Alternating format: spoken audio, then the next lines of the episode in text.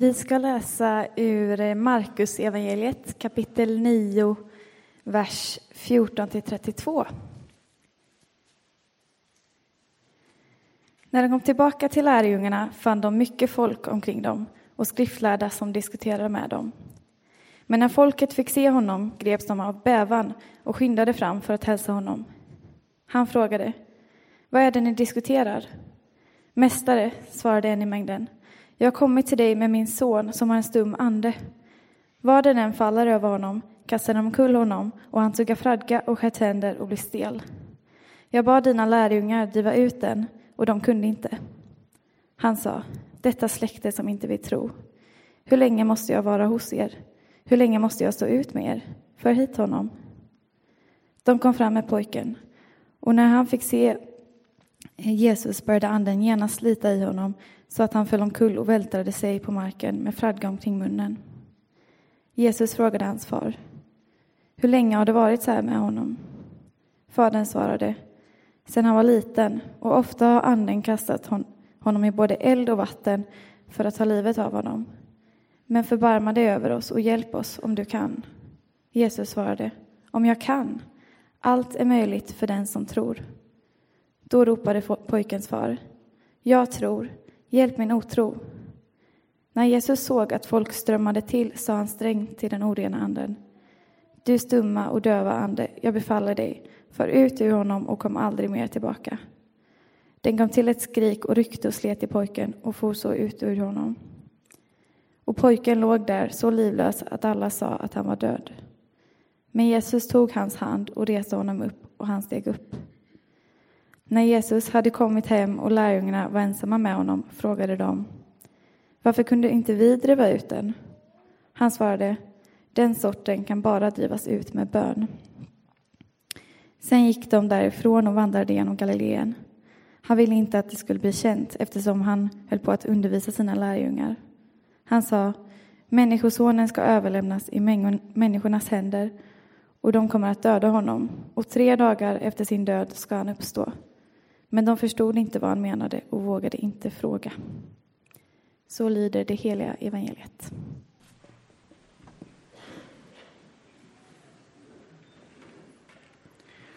Temat som vi ska ta oss an idag är kampen mot ondskan. Och det är en av de här lite sträva texterna som vi hittar här nu i fastan fram till påsk. Texter som har ett visst tuggmotstånd skulle man kunna säga. Inte helt enkla. Och det här med ondskan som begrepp är ju inte heller helt enkelt att närma sig. Det har så många dimensioner och eh, svårigheter och det finns också fallgropar med det här. Så när man närmar sig ett ämne som har med ondskan att göra, då tänker jag att det är viktigt att göra det med ett stort mått av ödmjukhet. Eh, och närma sig texten på det viset. Och en ödmjukhet inför den komplexitet som finns kring ondska, runt ondska, i spåren av ondska. Men när man då läser evangelietexten här som vi gör idag så kan man ju nog först och främst bara konstatera att detta kan ju inte ha varit en av lärjungarnas liksom allra bästa dagar. Det var nog en jobbig dag för lärjungarna. Kanske lärorik på ett sätt i ett längre perspektiv. För det är ju ibland så att eh, svårigheter, misslyckanden, det är det som skärper oss som människor, utvecklar oss som människor. Det är ju inte alltid eh, det som är liksom, eh, vad ska jag säga, framgång och, och eh, medvind som formar oss i livet. Men här kommer en pappa med en so sin son som har en stum ande i sig. Och han vill ju ha hjälp av lärjungarna. Och man kan väl säga det när vi tittar på texten. Jesus är inte med här, utan de är själva. Och så ber den här pappan dem om hjälp att rå på det här onda, det här svåra, alltså det som eh, den här pojken all form av livskvalitet. Och så vi möter en desperat pappa, det kan man ju förstå. En pappa som säkerligen är helt utmattad av att ta hand om eh, sitt, eh, sitt sjuka och, och, eh, och oförutsägbara barn. Vi förstår av texten att pojken mår väldigt dåligt och är i stort behov av hjälp. Och så, så försöker lärjungarna att befria pojken, precis som Jesus har sagt att de ska, att de ska göra. För det hade han ju sagt.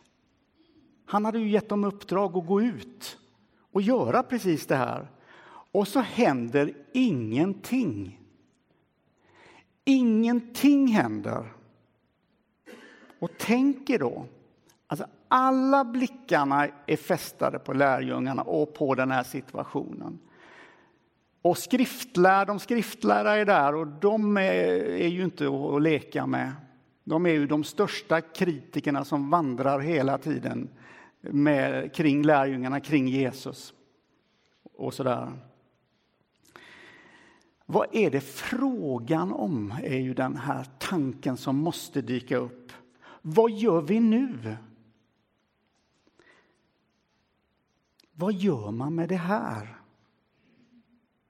Och jag kan känna igen mig i lärjungarna. Kan du göra det?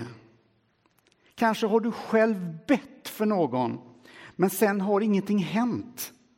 Och du står där, precis som lärjungarna, står där lite stukade, lite frågande med en slags målande känsla av besvikelse.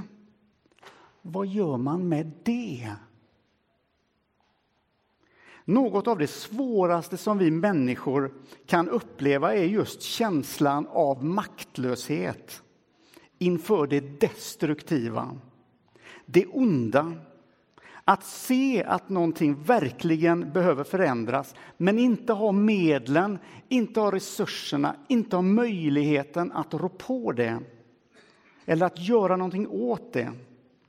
Och det är just det som koncentreras i den här texten. Att lärjungarna står till synes maktlösa inför det onda.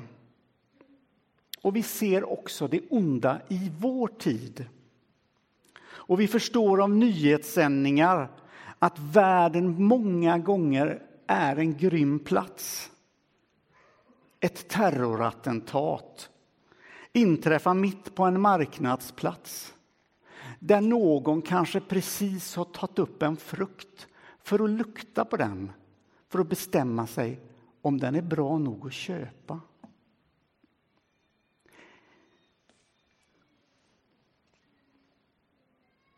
En förälder går med sitt barn och säger till barnet Håll dig tätt kring mig nu när vi är på marknadsplatsen så att du inte kommer bort.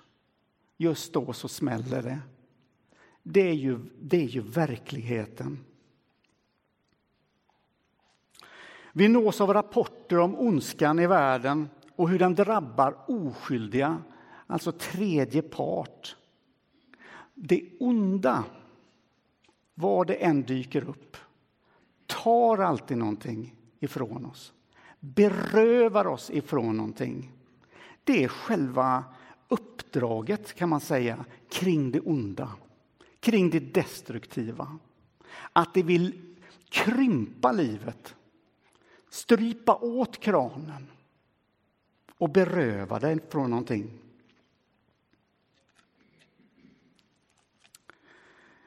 Det kan också vara så att vi känner hur ondska och det destruktiva ligger ganska nära oss själva.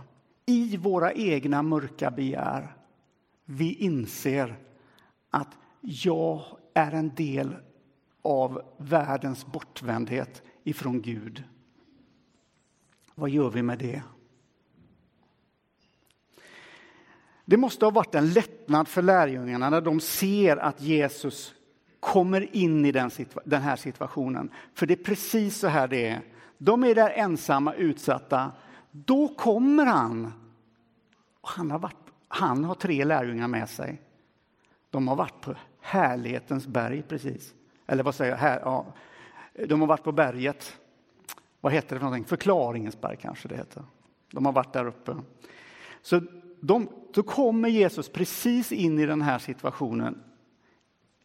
Är inte det bra timing? Att han kommer just precis där, inte för tidigt och inte för sent.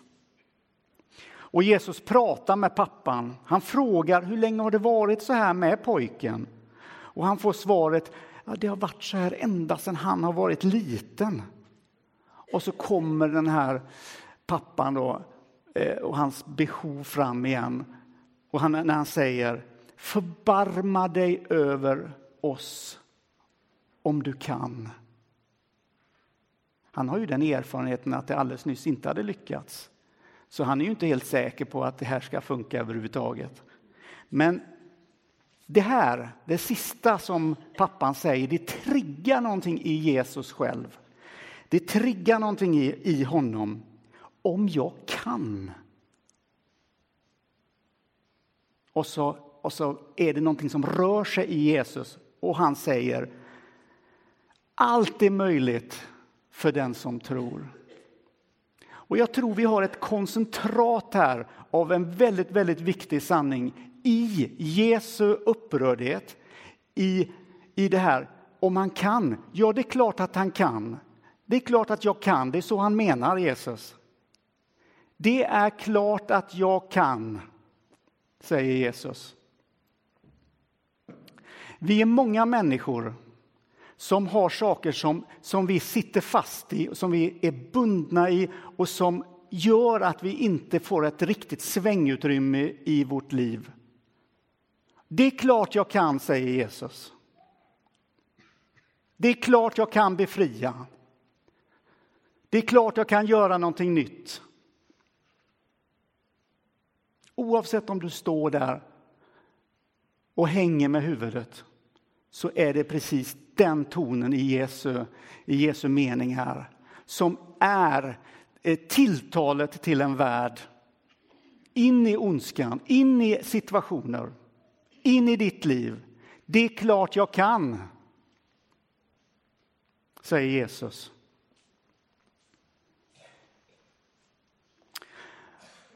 Och när, när den här pappan hör de här orden, då, då säger han de här orden som är så lätt för oss att förstå och som vi kan knyta an till. I alla fall jag, jag tror du också kan göra det. Han säger, jag tror, hjälp min otro. Vilken paradox. Alltså att vi i oss själva alltid har en dubbelhet. Vi både tror och inte tror samtidigt. Det är det, det, är det som är ett kristet liv. Att vi har den här dubbelheten. Vi kommer ha den dubbelheten till den dagen då allt är förklarat en gång för alla. Så det, det är lika bra att acceptera att den finns där. Att, den, att det inte är helt solklart. Det är djupt mänskligt. Om vi skulle sätta en ostkupa, ja ostkupa, ostkupa, ja det kan funka. Vi sätter en ostkupa över den här lilla berättelsen, den här situationen. Vi sätter på den över det.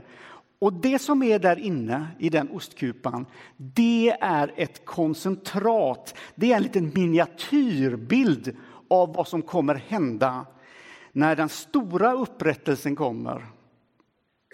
När ondskan förvisas bort och kan aldrig komma tillbaka. Det som vi som kyrka väntar på. Det som vi, vi står här och sjunger, vi, vi, vi delar nattvarden ända tills den dagen kommer då allt ska upprättas. När Guds rike når sin fulländning och Jesus, precis som i den här berättelsen, stiger in i rätt tid, inte för tidigt och inte för sent, i rätt tid med en gudomlig timing så stiger han in. och ställer allting till rätta.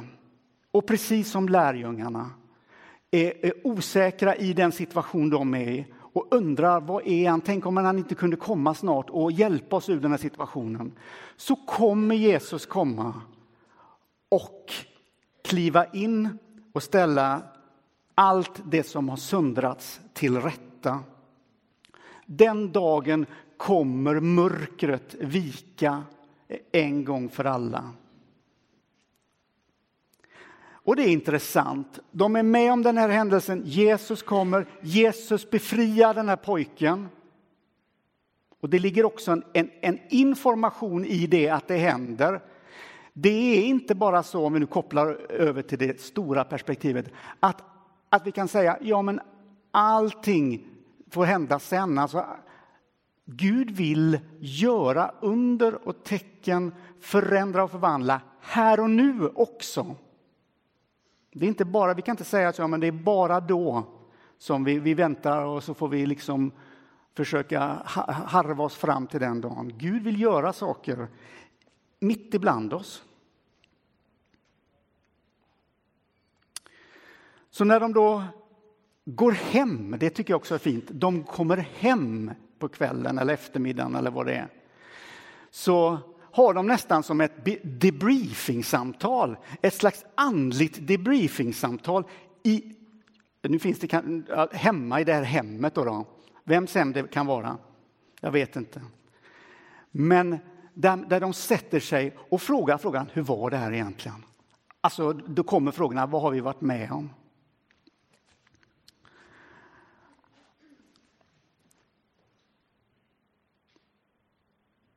Och där i det rummet så får de ställa sina frågor till Jesus.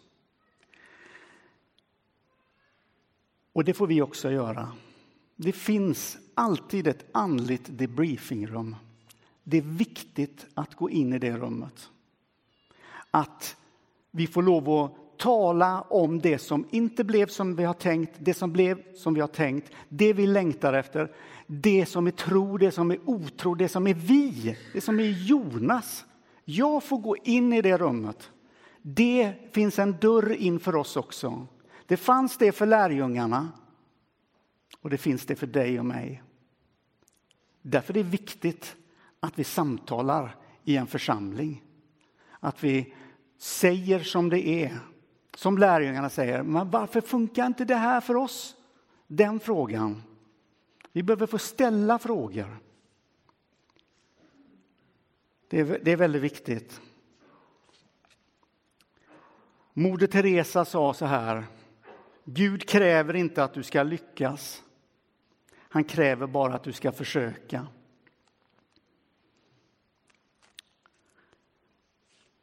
Och lärjungarna frågar då varför de inte kunde driva ut den här anden.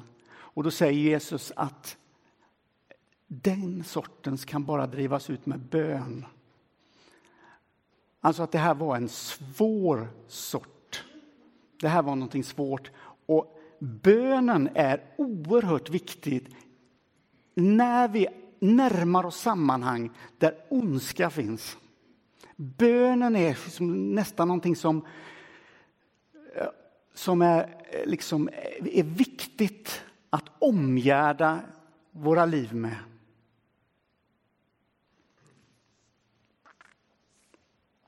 Och vi är alla kallade idag att vara med i kampen mot det onda, var vi än befinner oss. Med de resurserna och gåvorna som vi har. Du skulle också, om du tycker det känns lättare, säga att du, du får vara med i kampen för det goda. Det är ju ett annat sätt att, att säga det också. Men allt för många av oss har passiviserats av vår egen osäkerhet, av de frågorna som liksom hämmar oss och rädslan kanske att göra fel. Och vi blir kvar i det vi pratar om, det här debriefing, Eh, det andliga debriefingrummet. Vi tycker att det känns ju ganska bra att vara där inne. Det är lite tryggt där. Men Gud, han kallar dig ut ur det rummet. Inte för att stänga dörren dit för gott, För det sa vi alldeles nyss.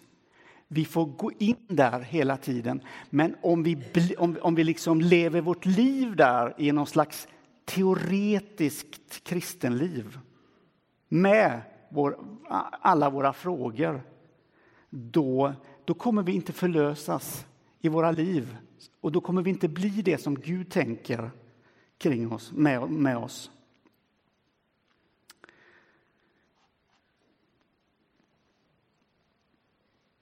Så kom ihåg detta att du behöver inte vara färdig eller säker för att ta ett nytt steg i ditt liv.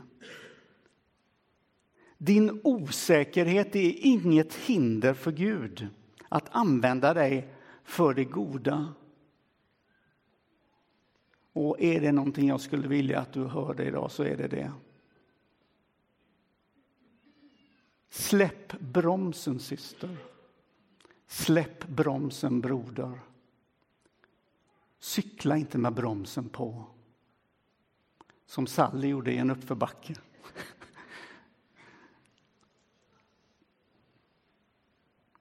Så trots dubbelheten som vi pratar om, att både tro och inte tro, så är kallelsen tydlig till dig.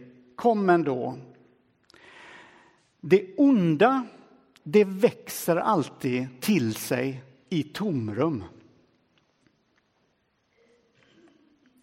Där det finns tomrum, där det finns brist, där det finns luckor. Ta exemplet samhället som sådant. Ett samhälle där människor inte känner sig inkluderade, där inte behov möts, där blir en brist. Där kan ondska växa till. Och nu pratar vi om alla plan. Vi kan också prata på arbetsplatsen. En del av er har sett Morgans mission. Ni såg det här eh, om mobbing på arbetsplatsen häromkvällen på tv kanske.